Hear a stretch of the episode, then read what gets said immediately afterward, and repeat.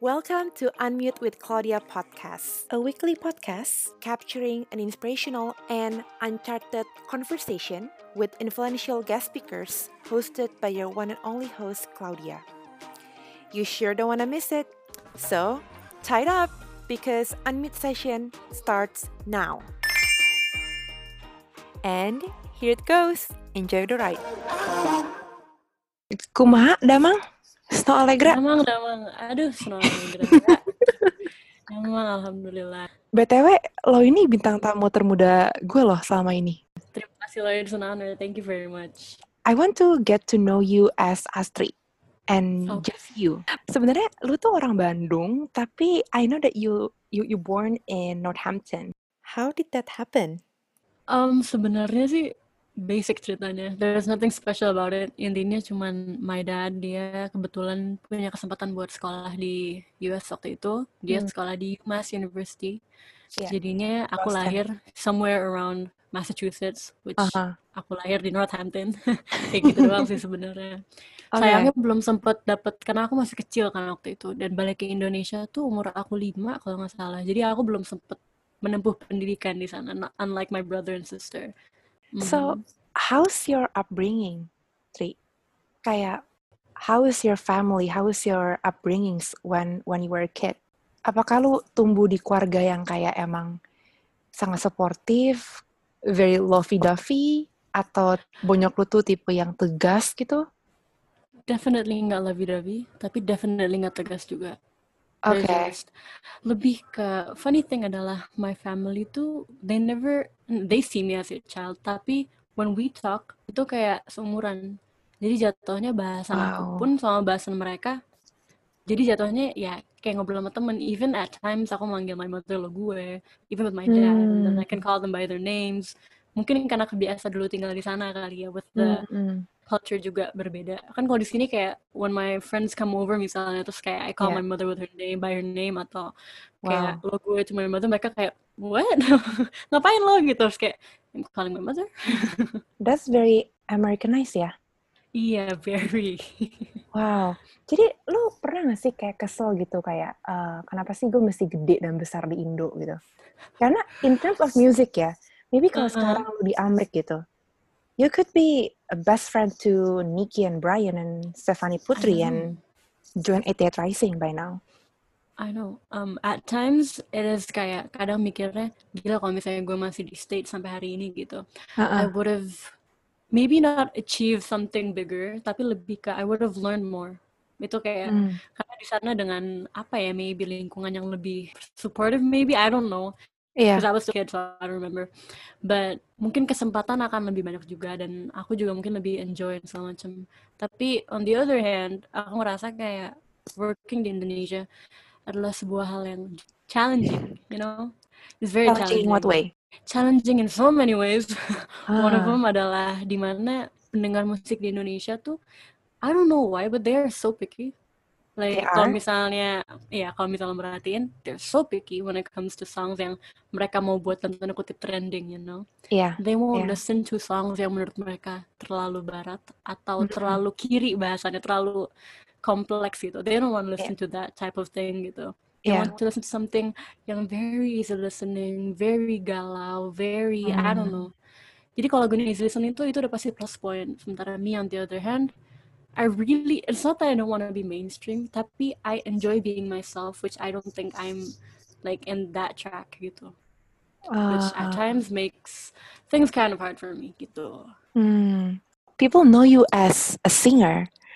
Dan um, I know that currently lu lagi sekolah uh, kuliah ilmu komunikasi gitu. Why not music? Why not why not go to Berkeley School of Music? that's a dream of mine itu Berkeley School of Music but on Okay. the other hand kayak diyakinin sama my parents juga kalau ya udah lu boleh ambil apa yang lu mau cuman kayaknya jangan di tahun pertama deh maksudnya jangan di kalau mau S2 gitu karena menurut Hmm. mereka juga dan menurut aku juga personally Hmm. punya gelar tuh just in case I don't know what's gonna happen with my career but if Right. it goes downhill Mhm. punya pegangan buat actually work maybe di kantor atau ya dengan gelar komunikasi gitu mungkin ada Hmm. banyak job yang bisa aku dapetin gitu loh. Cuman kalau misalnya memang berhasil karirnya kan ya bersyukur gitu. Tapi Uh-uh. itu ya emang jauh sih sebenarnya nggak nggak ada hubungannya gitu komunikasi ada dikit tapi nggak maksudnya mendingan musik sekalian kan Hmm. So, what's the backup plan? Music Ah. or communication? I think my backup plan would be communication communication. Wow. I mean if things go bad you know Uh-huh. things can happen drastically I can drastically fall without even me realizing gitu tiba-tiba door Uh-huh. aja hilang semua terus udah maksudnya once you nggak tahu ya takutnya once you go down susah banget bisa tapi it will be so hard buat bangkit lagi especially di Mhm. dunia entertainment you know kadang kita suka Yeah. mikir ih tuh orang ke mana sih kok udah nggak pernah lihat Padahal mungkin dia lagi Yeah. usaha buat kelihatan lagi gitu Yeah, yeah. very terrified of that jadi Mhm. mhm, jadi mendingan punya gelar biar bisa mungkin sekolah lagi atau kerja di tempat yang kantoran gitu maybe Uh-huh, uh-huh. Well, Tri, I think I talked this to you earlier um, that I'm impressed. Uh, that's why lo ada di sini kan hari ini ngobrol sama gue. Like people know you kan as an Indonesian singer gitu ya. I'm, and I'm sure you're the next generations of Indonesian singer hopefully. Amin. Walk me through that journey. Kayak I know that you you love music since you were kid. Mhm. Udah mulai nyanyi sejak 5 6 SD mungkin kalau boleh dibilang. yeah that's true Iya, so jadi kayak dari dulu tuh who influence you the most? Kayak apakah emang just as, as basic as your hobby? awalnya hobi tapi hobi yang sama sekali. Gue nggak berani buat tunjukin gitu loh. Somehow I don't know why. Jadi ever since I was a kid I have always loved singing. Banget. Cuman Hmm. um, one minus for me adalah I I don't have the balls to show it to anybody. Zero. Hmm. jadi pada akhirnya yang influence me the most itu surprisingly my own family gitu mereka yang kayak Oh, misalnya ya? acara keluarga gitu Uh-uh. Tri Tri nyanyi nyanyi Tri nyanyi and then I'll cry gara-gara kayak nggak Wow. berani I'll go like oh nggak mau ah." cry pokoknya kayak cry like a baby tapi pas sampai rumah I started singing non-stop jadi kayak emang nggak berani Hmm. depan orang tapi kalau di rumah tuh karena comfort zone kali ya jadi nyanyi terus bacot banget jadi aku di bukan dipaksa tapi benar-benar di encourage buat nyanyi itu sama my family Hmm. paling maksudnya specifically my parents kayak bener-bener ayo udah nyanyi nyanyi sekarang deh ayo aku dipanggil ade ayo deh nyanyi Hmm. nyanyi ade gitu Terus kayak I was like ah no kayak gitu Jadi kalau um, if you write write a song, Mhm. ya kayak contohnya your first single Menua Bersama 2017, I believe. Mhm, true Itu biasa you started with a lyric first or a melody or all at once. sebenarnya it depends tapi first of all Menua Bersama I did not write that karena that was a song yang dikasih waktu aku mau sign sama label aku yang Warner. sekarang Hmm, Iya. Oke. Jadi kayak kamu pilih antara lagu-lagu ini terus I, I, I chose menua bersama gitu. But then after Okay. that I started writing. Nah Yes. waktu mulai nulis tuh at first I did not know how to write a song. I was just like confused every time I want to write a song. I don't know how to start. I don't know what to make at all. But pada akhirnya sekarang sih lebih sering lirik dulu. Jadi I make Hmm. kayak semacam puisi gitu. Apalagi when I feel kalau nggak very low atau nggak very very happy. I really like writing ketika lagi ada di dua pole yang berbeda itu. Ah. Penyanyi favorit siapa, Vi? Terus lagi dengerin banget PJ Morton sama PG Morton. Daniel ya. Caesar sama her. Hmm. Aku lagi digging gospel music somehow karena to me it's very soothing. I Yeah. just love how they combine the melodies. It's beautiful. Ya, dan belum ada di Indonesia yang kayak gitu. Jadi fresh aja gitu dengernya. Hmm. Yeah. Would you follow the pattern and the rhythm that PG Morton or let's say um, or Daniel Caesar has and bring it to Indonesia? Karena yang tadi lu bilang kan, you would. But If I can, I would. iya, Susah mereka tuh. nah eh, misalnya lu udah punya lagunya nih yang s- inspired by those kind of songs, tapi lu tahu marketnya nggak ada di Indo. Hmm. Would you still publish it anyway? Sebenarnya sih gini, kalau if I if Hmm, I work alone without any recording label Iya. And I aspire to be this artist that ya emang I mean aku selalu punya perdebatan itu kalau sama kantor. Hmm. Jadi kayak Mm-mm. I make a song, terus kayak I really love it, all all the melodies, all the lyrics, and then semuanya pokoknya udah jadi aja. Mm-mm. Cuman in the end, ini selalu ujungnya kayak gini. Dia Bagus ini sih. gak masuk ke pasar gitu loh, intinya gitu. Nggak bisa gitu loh. Karena memang itu yang aku bilang, apa pendengar Indonesia tuh picky. Mereka nggak nggak tahu ya menurutku sendiri. Hmm. Maybe they don't want to try to listen to new things, you know? Atau kayak kan maksudnya genre tuh banyak ya, nggak cuma Iya, iya. pop, nggak cuma lagu-lagu balad. I mean banyak banget kalau misalnya kita Mm-mm. explore gitu. Dan nggak tahu kenapa di Indonesia kalau misalnya masih pasarnya lebih besar ini oke deh di Indonesia tuh kalau misalnya kita sampai bisa bilang nggak ada pasarnya kalau buat lagu-lagu selain itu kan mungkin Hmm. kalau di Hmm. luar kayak iya pop besar tapi yang lain tuh punya pasarnya sendiri kok gitu di Iya. Indo tuh enggak ya yang lain nggak ada pasarnya jatuhnya malah kayak gitu dan susah banget apalagi kalau maksudnya kan aku dari dulu nggak ada record kayak oh ini artis cilik misalnya atau kayak Iya. oh dia pernah ikut ajang pencarian bakat nggak ada aku bener-bener emang ya Astri aja sampai Astri tahu gitu kan terus tiba-tiba ngeluarin Ah. lagu kayak gitu orang juga they be wondering who the hell is this girl But- ngeluarin lagu kayak begini Yeah, yeah, but I think you should be proud karena lu nggak pernah ikut ajang pencarian bakat, tiba-tiba Warner Bros loh yang reach out to you. It's not like any other small label, dude. It's a Warner Bros um, universal label gitu. True. Yeah. Yeah, would you imagine yourself like maybe someday gitu, lu mau jadi produser? Sumpah. Karena aku ngelihat orang yang nge-produce lagu mereka sendiri tuh very attractive menurut aku ya. Aku jadi Like tapi ya, Williams? iya. Yeah, Pharrell Mm. Williams. Even Jacob Collier to me is Uh. like mm, Juicy. Juicy. mm, banget Yes. gitu. I know right? Bener-bener Mhm. kayak to me people with skills are far more attractive daripada orang-orang yang cuma ganteng tapi nggak tahu mau ngapain. Honestly, I'm so Yeah. sorry guys. Not meaning to offend you. If you Yeah. feel offended, don't blame me. But Uh. yeah, that's how I feel. Jadi sebenarnya when do you think nama Rahmania Astrini ini mulai terkenal gitu loh? Orang-orang mulai tahu lo gitu. Mungkin mungkin di saat lu very fat kali ya. That was a turning point, man. I was like, really? Terus kayak bengong sendiri gitu. Really? Oh I have a blue tick beside my name? Jadi waktu itu emang aku kan dari dulu I just really love singing dan aku Mhm. sering banget nge-cover kan memang. Jadi Instagram aku basically isinya aku nyanyi. I can post like three covers a day Yeah. because I was that crazy. Sweet. I love the cover um I Want You Around. Oh, thank Christina you very Allegra. much. Yes. Yes. Ah, And I watched your IG live as well, the last one. Really? Thank you. Yeah. Oh my Mhm. god. Jadi malu. Tuh kan aku tuh nggak bisa banget dipuji kak. Oh my Really? god, no. mulai nyadar kalau aku kayaknya mulai dinotis orang adalah when I got bullied at school. Not bullied, but more like my seniors are picking me up gitu. Jadi Oh, ya yeah. aku sering banget, ya aku sering banget cover terus. I mean, I don't really care about my sur- bukan my surroundings, tapi lebih kayak kan aku waktu itu masih kelas 1 ya aku Mm-mm. nggak peduli ya udah gue kelas satu emang kalau nggak cover kenapa ya, logically speaking iya nggak sih Ini satu SMA nih. satu sama Oke.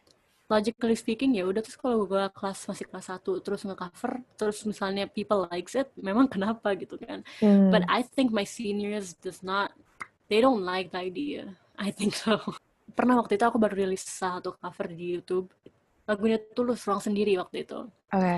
and then kan liriknya itu pagi melihatmu gitu kan Uh-uh. I remember the next day. Jadi aku rilis tuh kayak hari Minggu gitu. Terus the next day aku datang ke sekolah. Mm-mm. Habis itu mau ke kantin waktu itu. Uh-uh. Waktu masuk kantin, my senior went up the table Waduh. and then dia pagi melihatmu. And then he was like pointing at everybody. Terus kayak pagi melihat kayak gitu. Pagi melihatmu. Terus kayak ada my friend yang lewat namanya misalnya Anu ya. Hmm. Anu melihatmu. And then another friend namanya Dadi. Dadi melihat gitu. Wow. I was like ya. terrified. I was shaking. I mean, as anak kelas 1 obviously. And then aku sekolah negeri dulu tuh bukan sekolah swasta. Iya, Jadi iya. it terrifies me even more. Yeah. And I was like, okay, I think I'm gonna stop for a while. And then kayak aku try to kayak pelan-pelan. Dan waktu itu pernah satu lagi yang epic banget. Uh-uh. I made a cover with my friends di kelas pakai seragam. Mungkin kalau buat senior kayak, ih apaan sih nih bocah pasti gitu kan. Iya, iya, iya. Tapi aku kayak ya udah sih bodo amat nih cuma nyanyi doang. Hmm. And then that cover, aku cover bertiga.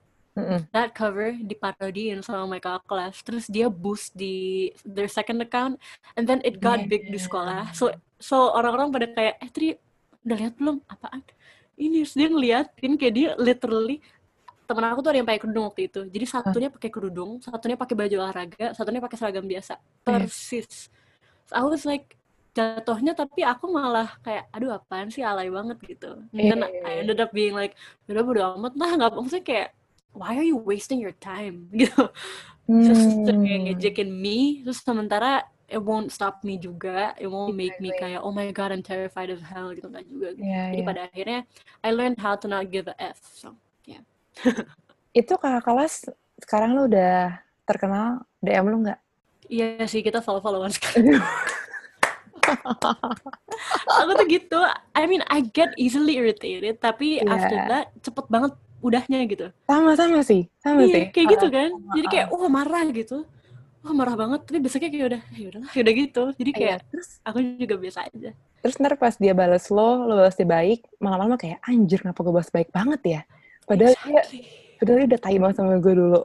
Oh. Imagine kalau misalnya dia hari ini, eh nggak tahu eh, nanti dia denger podcastnya, how ashamed. Yes. Dia bakal so ashamed apa gitu. Exactly.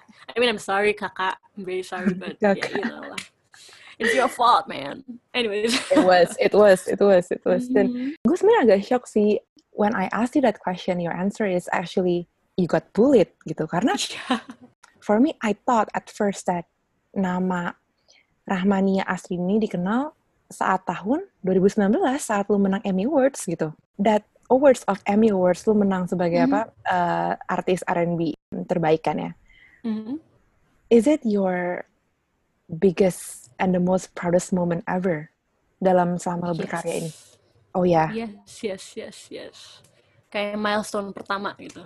Karena karena sama sekali it was apalagi for me Iya. karena aku mikirnya apa ya kalau misalnya if you see my discography my Mm. whole entire music career Iya. lagu R&B aku cuma satu dan itu juga nggak R&B R&B banget ya nggak sih logically Iya. speaking loh kita benar-benar jujur ya ini sekarang Yes. it's yeah. not that R&B it's, it's just like an English song it's a pop urban R&B ya ya, ya So- maksudnya Uh-huh. gitu jadi kayak shock Why do you think the Emmy Awards people consider you and put you in the bucket list of R&B?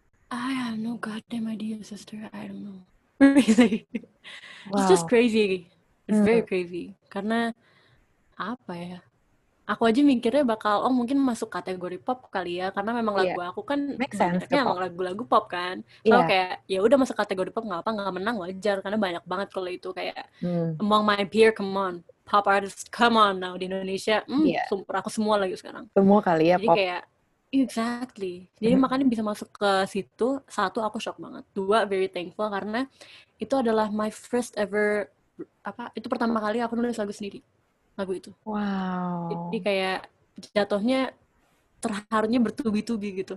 Ya ampun gitu. Jadi kayak Banget, bergetar gitu aku. Uh-huh, uh-huh. Do you think like getting an award is like important for you? Kan ada orang yang melihat kalau kayak ya award cuman award lah, is nothing Hmm. gitu. Lu tipe orang yang kayak melihat award itu seperti apa sih? Aku melihat award sebagai bentuk apresiasi dari orang-orang maksudnya kayak bahwa ternyata tuh aku I'm worth it loh gitu. Me today being in this position tuh bukan karena aku hoki doang, it's not pure luck gitu, Hmm. tapi it's because ternyata gue juga ada mungkin um, dari bagian gue ada yang dinotis loh sama orang-orang gitu. Jadi it's not just it's not it's not only about numbers gitu. Yang Hmm. aku bener-bener kayak wow gitu. Karena emang kalau awarding kan nggak dilihat dari streams ya kan. Oh dia Iya. streamsnya sekian juta kan nggak dilihat dari itu Mm-mm. Mm-mm. jadi aku bener-bener tahu itu it makes me go like wow ternyata gue apa numbers tuh the, the numbers that I have itu does not define who I am gitu. Hmm, and to be honest, dari cover-cover, karena kalau gue dengerin lagu lu, of course bagus ya, tapi kan lagu itu kan udah banyak edit, aransemen, it's not True, organic, you know, not Mhm, organic. yeah, that's true But your covers are organic. It's on the spot. Lu salah, ya lu ngomong, eh salah kunci. Yuk, lagi gitu.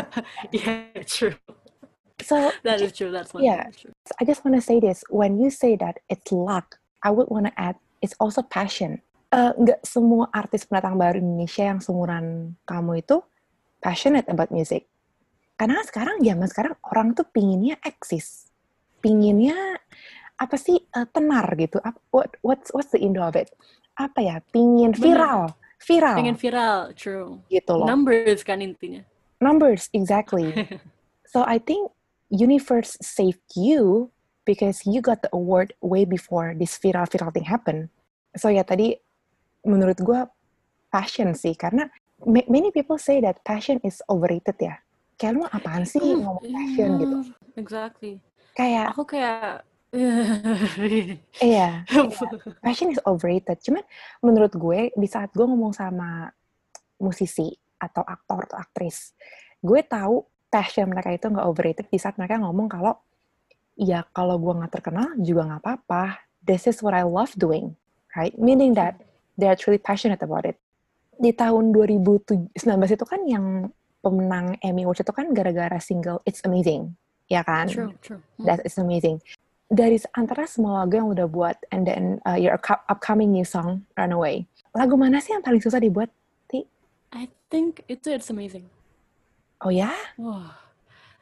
Itu adalah, to me, it is my fight song honestly meskipun mungkin kedengarannya seperti itu kayak oh senang gitu kan yeah. cuma deep down inside man I wrote that while crying the beep out of myself really kenapa hmm. Jadi something Judulnya happened before I wrote that song. Iya, yeah, exactly. Judulnya it's amazing kan. Jadi it's funny that it has a really sad story behind it.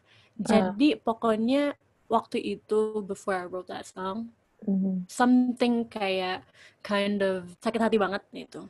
Mm jadi kayak somebody told me something and then I went so aku jadi very insecure aku jadi yeah. pokoknya ngedown banget I felt mm. like I was I felt like I wanted to stop doing my doing this gitu intinya gitu okay okay and then while on it waktu aku lagi downfall itu I wrote that song. Aku mikir kayak ya udah tadi just let it out sing a song and then udahlah gitu.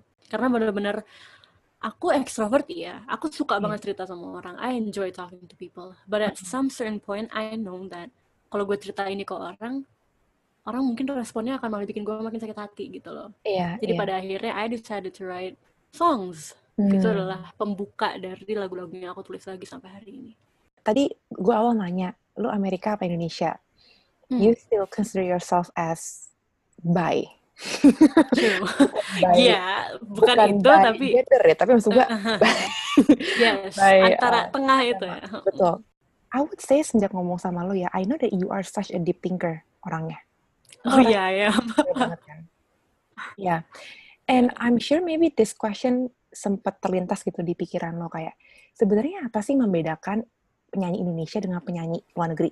Ini yang aku bener-bener perhatiin ya. Hmm one thing gak tau ya mungkin kalau misalnya aduh I will sound so sotoy I'm so sorry everybody but kalau no. menurut aku oke okay. hmm. kalau di luar negeri itu everything somehow looks very rapi What in terms of everything ya mulai kayak produksi ke mereka as an artist themselves scandals tuh jarang banget deh kalau coba coba perhatiin dan scandal tuh sekalinya lo kena scandal keluarnya susah banget di mm-hmm. Indonesia sekali lo kena skandal iya skandal seminggu minggu depannya lo udah balik lagi iya yeah. you get what I mean iya yeah. jadi basically what I feel kalau di sana itu when you do music you do music oke okay, mungkin ada yang pop star tapi pop star pun they do it with their hearts they write it bener-bener kayak gue mau nulis gue mau manggung gue mau tampil gue hmm. mau you can feel somehow aku udah misalnya Ariana Grande one of the biggest pop singer sekarang gitu. Mm-hmm. Oke okay, mungkin album pertamanya ya terdengar seperti ya udah Ariana Grande aja. But yeah. when you listen to the, her albums now, yeah, I can cry listening to her albums loh. Even sa thank you next, thank you next gitu kan. Yes. Right? You can feel the emotion in each mm. songs. Even lagunya se mau se pop apa pun mau se easy listening apa pun pasti masih ada nyayat hatinya masih you can still feel kayak oh ini orang sakit hati yang nulis ini oh ini orang seneng yang nulis ini yang kayak gitu hmm. kalau nggak gitu mereka they really make a bop you know oke okay. one thing yang aku sayangkan kalau di Indonesia kerasa banget mereka ngejarnya fame jadi jatuhnya lagunya ada yang bagus-bagus obviously yeah. cuman banyaknya tuh yang terdengar iya ini biar bisa joget aja di panggung iya ini mah biar orang suka aja dengernya iya ini mah biar hype aja you can really bisa banget lah kelihatan bedanya iya Tapi Hmm. kalau misalnya masalah skill dan kayak nyanyinya gimana, menurut aku Indonesia sekarang, uh, tapi aku kalau nonton orang manggung tuh udah kayak gila dia bisa kayak gitu dalam waktu tiga tahun doang kayak gitu. Misalnya Marion Jola, aku ngelihat dia manggung, aku kayak what? Maksudnya gila loh dia tuh masih dibilang nggak artis baru tapi nggak artis lama. She's a pop Yeah. star tapi sekarang. Dan kalau misalnya kita lihat dia manggung, you can tell that she is damn good at what she's doing. Sayangnya beberapa dari apa yang aku lihat mungkinnya kayak jarang yang orang nulis bener-bener kedengeran oh iya sakit hati gue dengernya ikutan sakit hati gitu. Iya. Kalau menurut Yeah. aku, I don't know, what do you think? I feel that Indonesia singer jujur punya banget mata di dunia internasional gitu. Um, Not because of ETA Rising, I would say. It's because that di Southeast Asia aja tuh emang singer Indonesia lebih kepancar daripada Thailand atau Vietnam. Sorry, I Betul, have to betul. mention the country ya. Cuma maksud gue, one of the main issue di penyanyi Indonesia adalah yang tadi lu bilang, I, I I have to agree, they just care about being famous and being the top chart or something gitu. They care so much about the engagement menurut gua at this Mhm, point. mhm. And what lacking the most is mereka itu nggak apa ya, nggak memandang serius culture menurut aku. Iya, itu benar. Kayak kayak gini loh. I think it will be amazing if if your song ada sedikit di bagian rapnya atau di bagian intermezzonya ada bunyi angklung True. atau semacam pianika. Just like a basic elementary Indonesian students would would play gitu loh menurut gue. True. Sedangkan kalau di Amerika itu emang kan culture-nya itu R&B. Iya, emang begitu gitu. Emang musiknya dari dulu. Iya. Exactly. Menurut gue kenapa bisa full package karena they include the culture gitu loh. They not include what people like from the music, but they include who they are as a person. Mhm. Banyak banget orang Indonesia ngomong kayak this song is very me. This song really me, comes from my heart. Yes, the lyrics say so. The lyrics truly comes from your heart. But is it a full package in terms of like the instrument um, dan semua semuanya? So I think what I would say is I'm just curious gitu. What are the two things that you think is problematic in Indonesia? Kayak kayak you think that you can help fix in the next 20 to 25 years from your own perspective. Karena kan kayak assuming that you have your own trajectory gitu. Mhm. And makin ke depannya kan you will have like more power to mobilize even more people. And I think it will be very helpful gitu. I think kalau misalnya Indonesia-nya sendiri, base menurut aku ya, orang-orangnya, even even terkadang myself atau maybe people around me, Mhm. we are so ignorant about everything. By everything, I mean everything. Yeah. even our own country, even whatever is happening in this country. Gini loh, di Indonesia tuh somehow I don't really think that people knows how to agree to disagree. Kayak ketika kita beda paham, ya kita harus berantem. Gak mau tahu. Pasti kayak gitu. Bener deh, sumpah. Iya, even in iya, my iya. school. Yeah. Even in my school dulu, benar-benar when I have pendapat yang berbeda tuh, I can get like dipanggil ke ruang BK karena apa? karena pendapat gue berbeda gitu. Uh-uh. Kayak gitu. Menurut aku satu itu, kita Hmm. very ignorant about cases di Indonesia. Um, mungkin sesimpel buang sampah sembarangan, sesimpel itu loh. Iya. That is that is the really the smallest thing you can help. Just like take your trash, put it in the trash bin. That's all. Itu aja susah banget. Apalagi yang lain. Yeah. Driving di Indonesia is like hell, man. Yeah. Yeah. with all the traffic with I mean kalau traffic ya sudah lah tapi kalau misalnya mereka nggak langgar peraturan jelas-jelas jalan arahnya ke sana tapi datangnya dari sini kan itu nggak masuk akal tapi ya itu Indonesia ignorant Yeah. gitu menurut aku Ignorant. that's one thing satu lagi kurang apresiasi juga sih Hmm. di Nah, musik di budaya kayak yang tadi kakak bilang juga hmm. kita punya budaya yang berlimpah banget loh Iya, iya. bener mungkin salah satu negara yang punya budaya paling Paling kaya. banyak paling paling kaya akan budaya bener-bener da- kita diversity-nya gila banget Indonesia tuh mau makanan mau bahasanya sendiri bahasa daerah tuh udah berapa banyak coba Iya, iya, tapi iya. kita sendiri malah we're letting ourselves to be brainwashed sama culture dari luar gitu Hmm. yang Do you- aku sendiri pun mengakui di diri aku Iya, gitu iya. Do you think apa musisi di Indonesia itu di underappreciate? yes contoh Why? simpelnya I have a lot of I have lumayan banyak friends yang mereka memang rilisannya bahasa Inggris. Mereka Oke. memang musiknya lebih dalam tanda kutip bule kalau misalnya bahasanya biar lebih barat gitu musiknya. Ah. Kita nggak diapresiasi, tapi bagian gede duluan di luar dibawa ke Indonesia Nah, udah pasti terkenal. Contoh, It Rising. iya. Kan mereka gedenya di luar dulu. Mm-mm. Kecuali Brian ya, kalau Brian gede dalam dulu. Nicky Iya. misalnya, dia kan gedenya di luar dulu. Iya, iya. Dia maksudnya she boom di luar baru Indonesia kayak wah itu orang Indonesia tuh go Hmm, internasional gitu. hmm, Tapi waktu kita di sini rilis yang mungkin mirip banget sama Nicky, jatuhnya malah kayak apaan sih nggak cinta budaya sendiri ya? Iya. Kan it doesn't make any sense. You get what I mean? Itu Yes. loh, itu yang bikin aku Iya, tuh iya. gedek banget. Jadi kayak di Indonesia, kalau misalnya lo kerjanya di Indonesia, startnya di Indonesia, mau rilis musik, mau terkenal misalnya goalnya, ya udah, lo jangan rilis bahasa Inggris. Udah rilis aja apa yang mereka suka. Rilis pop, rilis lagu yang chordnya sesimpel mungkin, jadi mereka bisa sing along. Karena they don't want to learn how to appreciate other things selain apa yang sedang trending, apa yang sedang viral. Hmm. Itu menurut aku. Itu that hurts me so bad, man. Sih. It's amazing to hear 19 years old kid can say such thing like this. Aduh. Some say that I'm just there's an old lady trapped inside my body. Old lady to- I mean that's creepy, but uh, Iya, iya. Menurut lo solusi apa yang yang bisa menaikkan the appreciation ratio for musician in Indonesia? hmm, I think sekarang ya kalau dibandingin dua tahun lalu deh. Sekarang tuh udah jauh lebih mending. I think the next generation Mm-mm. karena ya bener-bener bisa lo dilihat analog sama digital tuh. Kayak zaman analog sama digital tuh bener-bener when we say dia masih analog banget tuh yang pun analog parah. Bener-bener dia nggak akan jatuhnya kayak ya itu yang tadi aku bilang susah untuk mengapresiasi hal yang baru gitu. Iya. I mean no offense ya Allah I'm trying to Hmm. offend Mhm. everybody now. I'm so sorry.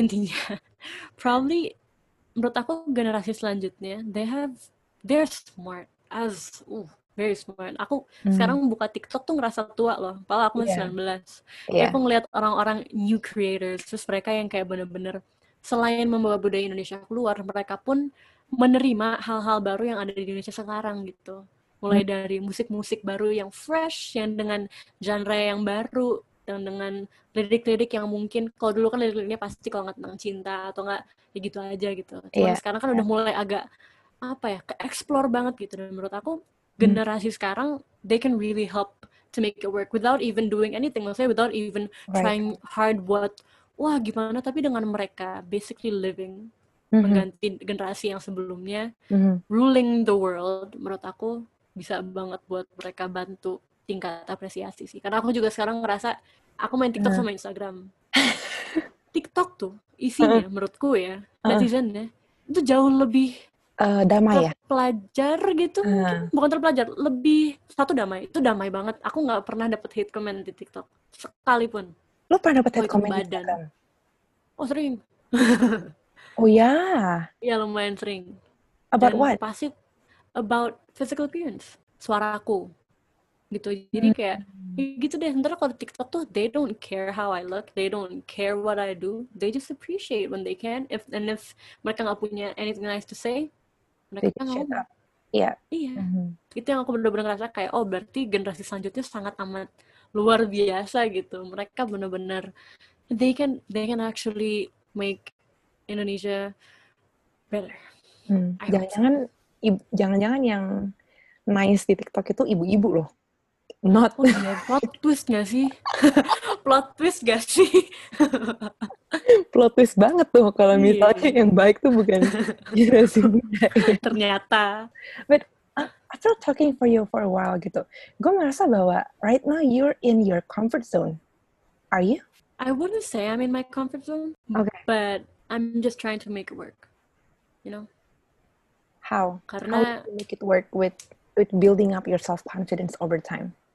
Oh yeah, that is really hard, honestly. Hmm. I came from a very apa ya? Aku dari dulu sekolah swasta yang benar-benar swastanya tuh kita dulu cewek cowok tuh dipisah. Sekelas cuman isi 19 orang, which is sangat sedikit. Dan buat aku untuk interaksi sama orang luar tuh kayak susah banget karena emang ya jatuhnya kayak nggak punya temen gak sih? Cuma 19 Iya. orang sekelas gitu. dan tiba-tiba aku harus bisa tampil di depan orang-orang banyak gitu. It is really stressful di awal. Untuk How do you aku, cope with that? Um, I just cope with it. I just kayak I convince myself that tri di dalam hidup tuh kamu harus yakin ada kalau misalnya lo terus diem di comfort zone lo nggak akan pernah maju gitu loh. Itu Hmm. yang aku sangat amat percaya sampai hari ini. Karena kalau misalnya seandainya aku kayak gak aku awalnya bahkan nggak mau sign sama Warner Newsflash.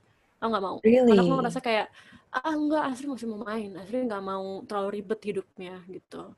Terus Okay. my parents ngomong, Tri kesempatan kayak gini nggak akan datang dua kali gitu. Kamu mau Hmm. nge-cover terus, terus sampai kapan gitu loh? Do you wanna Hmm. be like this terus-terusan? Terus I was like, ya udahlah, F it, let's just go. Aku ngomong gitu. Mm-mm. Ya udah deh, pada akhirnya disikat aja susah. It is very stressful. Mulai dari orang mulai recognize me as a singer, orang mulai comparing me to other singers, orang Yeah. mulai bukan judging tapi lebih kayak they have um, they don't know when to stop talking. they just really sangat amat apa ya? Their Blunt. words actually matter a lot. Yeah, very Yeah. blunt. Mhm. Dan untuk aku yang dari dulu udah masuk swasta, kalau di negeri masih ada dibully deh. Iya, Swasta tuh kan kayak bener-bener sangat lingkungannya bersih banget kan. iya kayak Kayaknya malaikat kalau lah. kita di exactly Mm-mm. kalau dibully Mm. dikit tuh bisa langsung lapor guru aman. Kalau di Aman. negeri kan enggak kan. Aku tuh Iya. swasta dulu jadi bener-bener kayak shocking.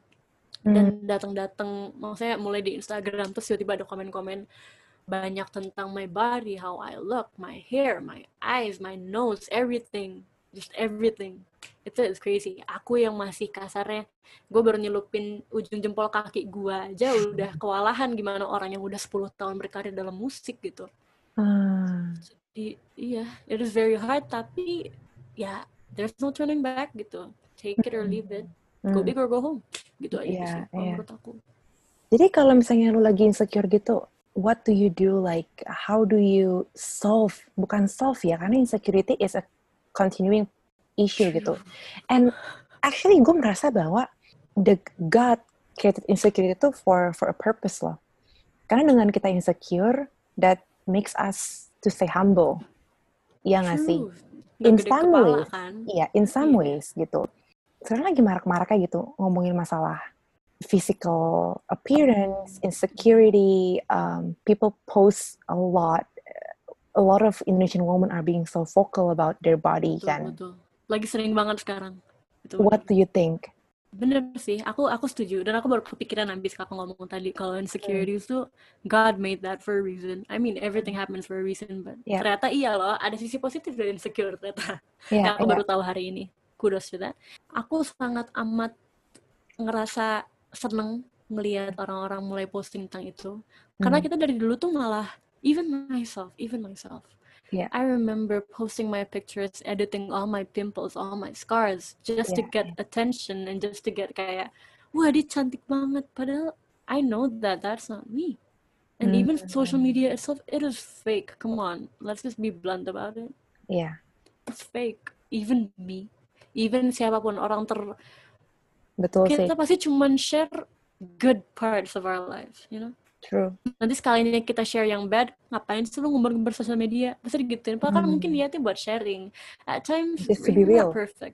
Yeah. Ya, dan orang tuh dulu tidak mengapresiasi itu, mikirnya malah ada drama banget hidup lu. Pasti Iya. gitu. Iya, iya. But then now, looking at banyak banget public figures yang mulai speaking up, Tara Basro, man, come Hmm. on. Love. Basro, everybody. Yes. Dia benar-benar encouraging us to really, even secantik Tara Basro pun punya loh insecurity. Dia punya loh hal-hal yang minus dan itu Iya. menurutku orang tuh kadang nggak sadar tentang hal itu. Kayak Mm-mm. ketika kita punya little wrinkles, I have really bad under eyes, you can see. And then I don't, I don't have a good hair. My hair is like very kasar. And then I have pimples all around my face. Dulu, man, it was the curse. Aku mikirnya kayak, gila ngeliat Instagram cewek-cewek tuh cantik semua. Kenapa gue kayak gini ya? Bla bla bla bla bla bla gitu pokoknya. But then I realized, iya benar mereka cantik gitu. Cuman what's fun is that I can make myself look pretty with the condition that I have. I have to learn how to embrace it. Iya, I have iya. to learn how to live with it. Atau Sure. gue mau operasi, gue mau ngilangin, gue mau pakai concealer tiap hari ke sekolah gitu. Iya. Kayak, come on. I mean okay, people bisa ngomong gila dia kayak orang sakit kayak zombie, matanya kayak gitu jerawatan. Aku pernah digituin soalnya sama guru, dibilang, ya ampun Tri, kok mukanya hancur? Digituin, sumpah, hancur dibilangnya bukan Wow. bukan mukanya kok capek gitu enggak mukanya hancur karena Hancur. waktu itu aku kelas 2 sampai kelas 3 tuh aku jerawatan parah banget sampai yang Hmm. bener-bener tuh kayak udah gila banget pokoknya separah itu dan aku I was really insecure at first aku berhenti posting Instagram Iya, iya. for like months. Aku bener-bener ke sekolah tuh selalu pakai hoodie yang nutupin semua saking malunya Oh. dan ketemu guru tuh malah kayak bukan ditanya kabarnya tapi iya sih kok sekarang mukanya hancur Terus kayak hmm gue mukanya hancur nih mau jong apa? Gitu kan. Pada akhirnya kayak aku mikir ya ya udahlah. Terus kalau misalnya gue udah cantik mereka bakal apa gitu muji gitu? Enggak juga gitu. Why do I have to bother satisfying other people gitu loh while I can just learn how to love myself better gitu Mhm. dibanding doing that Iya. I think it's important to know your worth true itu bener banget itu aku and know who you are gitu. banget Mhm. Karena sebenarnya body insecurity for me it's about how you feel, not how you look. Banyak orang yang gendut juga. Gue nanya, lo ngapain kurus? Enggak, gue happy happy aja kayak gini. It's about Yeah, how it's true. about how you feel, not how you look menurut gue. It's about how you see yourself gitu loh. Dibandingin Exactly. gimana cara orang lihat lo dari luar. Itu Iya kayak iya iya. emang susah banget belajarnya tapi kan. Hmm, hmm, hmm. It's really Tadi- tough. Kita udah ngomong panjang lebar. Lu udah mention dua tiga saddest moment in your life. gue sampai bingung. Sekarang gue mau nanya, apa sih lowest moment in your life tuh, Ti? Ah. Earlier this year deh kayaknya. Ah. Akhir tahun ke akhir tahun kemarin ke awal tahun ini. It's purely because of aku rasa I'm not Ah. going anywhere. Karena I was really caught up with numbers. Tapi kan itu lu baru dapat Grammy si si Emmy Awards. Exactly, baru dapet. Seneng Uh-uh. tuh, wah bersyukurnya setengah mati. Uh-uh, But then setelah itu face-nya habis. Di mana aku ngerasa jatuh lagi. Kayak Hmm. aku tuh I'm I'm hard to satisfy tapi easy to satisfy juga gitu loh. Kayak I get satisfied easily tapi susah juga at the same time. Same. Dan ini tuh posisinya kayak very happy tapi after reaching the peak of happiness and then you just go downhill like boom setelah itu habis. Aku kayak gitu waktu itu. Aku Ah. bener-bener I got caught up with my numbers and then aku sempet bener-bener I was questioning myself. Bisa gak sih lo ngerasa depresi tanpa tahu lo depresi? Kayak gitu. Bisa gak sih lo sebenarnya selama ini lo tuh depresi tapi lo gak nyadar aja gitu. Karena Hmm. aku jadi gendutan banget, tapi gendutannya bukan gendut karena makan bagus, tapi gendut gak sehat. Jadi you can really see pipi aku tuh waktu itu very jadi jadi sangat chubby, tapi Hmm. chubby-nya tuh kelihatan gak sehat. Kan ada orang chubby kelihatan Iya, sehat iya. aja kan. Iya. Aku nggak, my eyes kelihatan capek banget. Aku bener-bener kulit aku jadi kusam karena Hmm. mungkin aku makannya nggak bener, tidurnya nggak bener. I wasn't taking care of myself.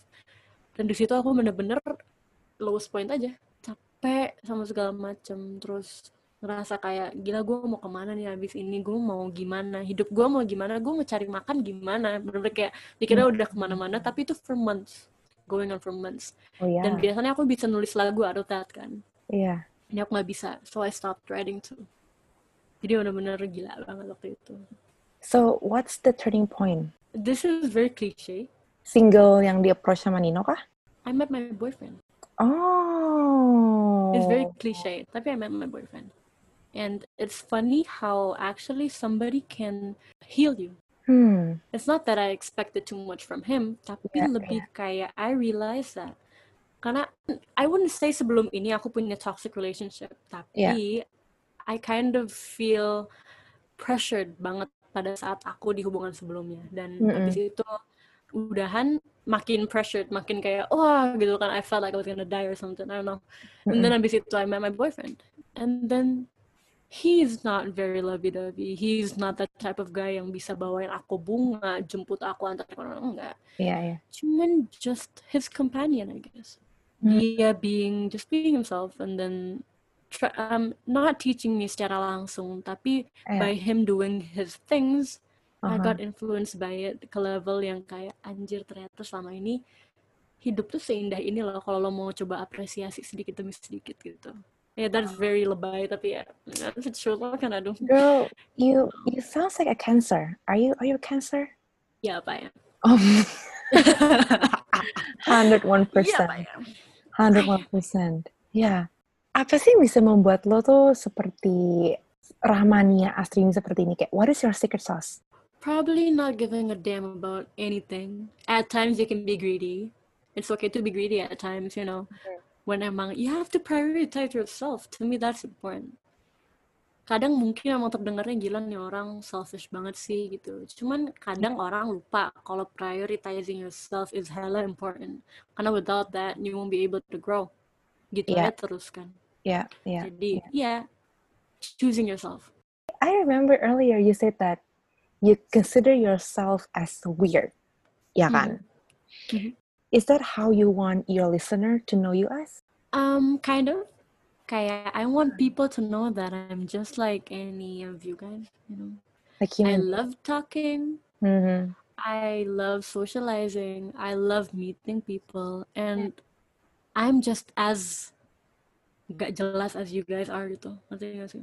Kan kadang tuh kadang aku aja sekarang tuh ya kak ngebuka Instagram ngelihat orang-orang tuh gila nih orang bisa seartis ini ya. You know, when you Iya, see a page, lihat Iya. orang, wah bisa tahu dia artis gitu kan, ya Mm-mm. kan? Even Mm-mm. without the centang biru, misalnya kayak just Iya. like a random person you see, oh, Iya. oh ini dia artis banget nih, high class banget, pasti bisa ngeliat gitu kan? Iya, iya. I don't wanna be like that. I used to. Aku dulu mau kayak gitu ngeliat kayak ah gue pengen orang liat Instagram gue gue dibilang keren, awalnya pengen gitu. Mm-mm. But lama-lama I realized that maybe keren is not my cup of tea, you know. Yeah, I just yeah. want to be as fun as possible. I want to entertain people with just being me, Hmm. releasing something that I love, um, live streaming just to menghibur orang yang galau di malam minggu, atau Iya, mungkin iya. ngepost foto-foto yang just like showing my flaws. I have a hella ton of scars and bekas jerawat segala macam. Yeah, I just want to Iya. show people that man, we're all the same. They're Yeah. just being fake. I was fake too, I must admit. But Mm-mm. now Mm. I'm trying my best to stay real. So. I think all of us has been in that position before, like being Mhm. fake, you know. Kayak menurut gue, lu kalau nggak pernah fake, lu fake banget. iya, itu fase bro, pasti ada kan. Iya, iya. Kayak masa-masa alay ngerti gak sih? Oh ya ampun, itu aku alay banget, sumpah kak. Itu aku sama Najis, aku baru lihat kemarin. Ih alay banget, ya ampun. Najis banget, sumpah aku lihat. Gue dapet reminder dari Facebook apa? Five years ago. Enggak. Iya, five years ago, aku lagi buka laptop, lagi Ah. ngeliat fotos, aku scroll ke atas, Oh. ini apaan gitu kan. Terus pas lihat, lah kok begini bentuknya. Terus I used to make kayak MVs gitu, tau gak sih? Yes. Tapi kayak MVs-nya cuma pakai HP doang, terus nggak di-cut-cut one take kan apa gitu loh. Wow. Pak, aku siapa gitu loh. Eh, jijik banget gue ngeliat najis ya. I once made a Oreo commercial. Oreo sama OB Herbal. I made one with my own Wow. phone. Terus kayak, tapi commercialnya tuh literally cuma aku makan Oreo, hanya Oreo kayak gitu. Oh, lu Aduh, bukan jadi jijik banget. influencer sekarang ya? Malah jadi singer. Aduh. Gue bersyukur dah, Mbak. Sumpah. influencer ya. Iya. Kalau misalnya jadi ini, karena kadang tuh jadi influencer tuh orang mikirnya sekarang, ah dia mah sok influencer tau gak sih? Nama Iya. selebgram influencer tuh konotasinya sekarang malah dipikirnya jelek. Padahal tuh they're not doing anything wrong, man. They're just working. Lu paling sering di compare sama siapa? Aku lagi sering-seringnya di compare sama Raisa, sama Aduh. Marion Jola. Marion Jola gue bisa lihat sih. Banget.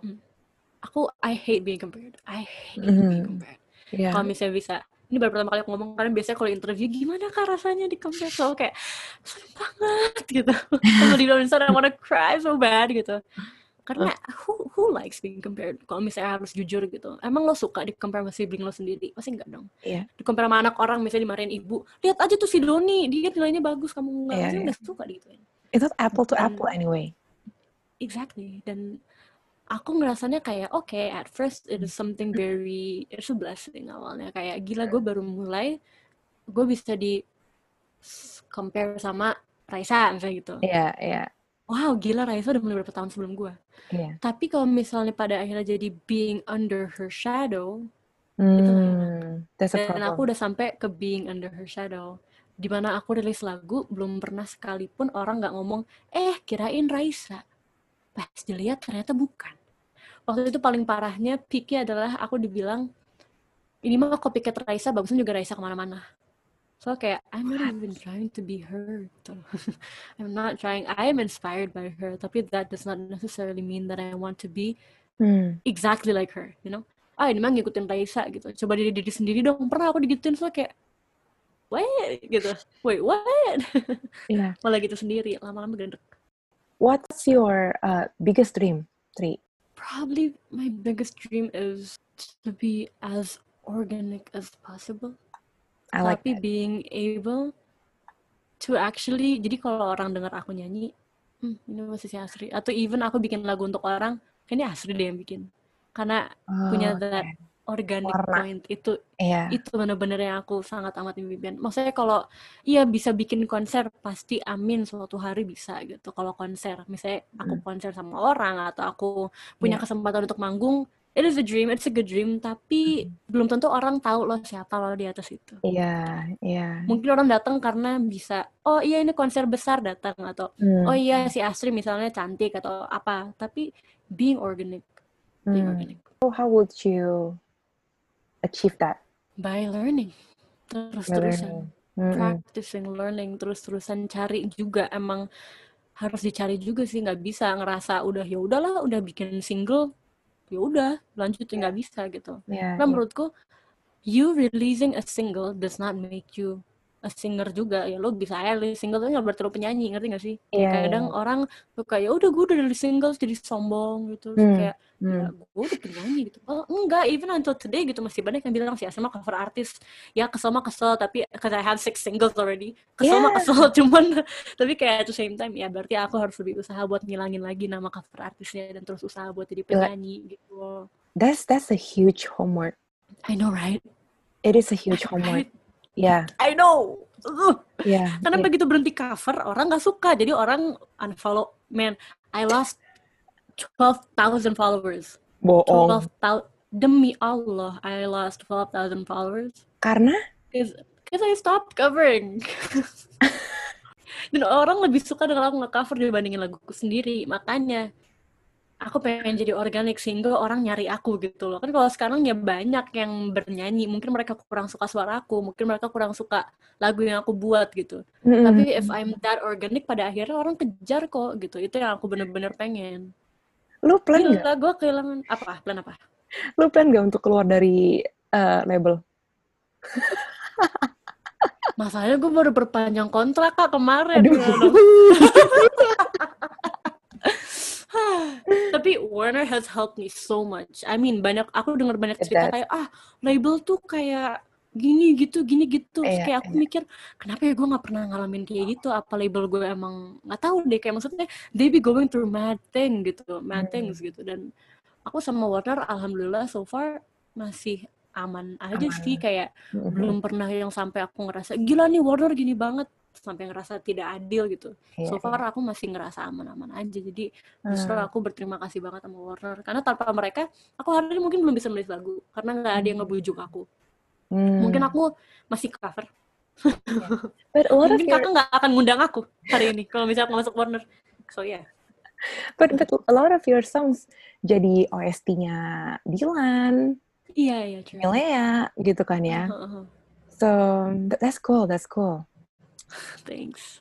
So I know that your your new single uh, Runaway is coming up. Udah bisa Yeah. pre-save Yes, that's udah banyak di TikTok juga. That's I, I true. scroll it up. Uh, ini dong kasih preview dikit. Oh my god. Okay. I think I hate you. Too bad it feels good. Some days I want you, but most days I'm so through.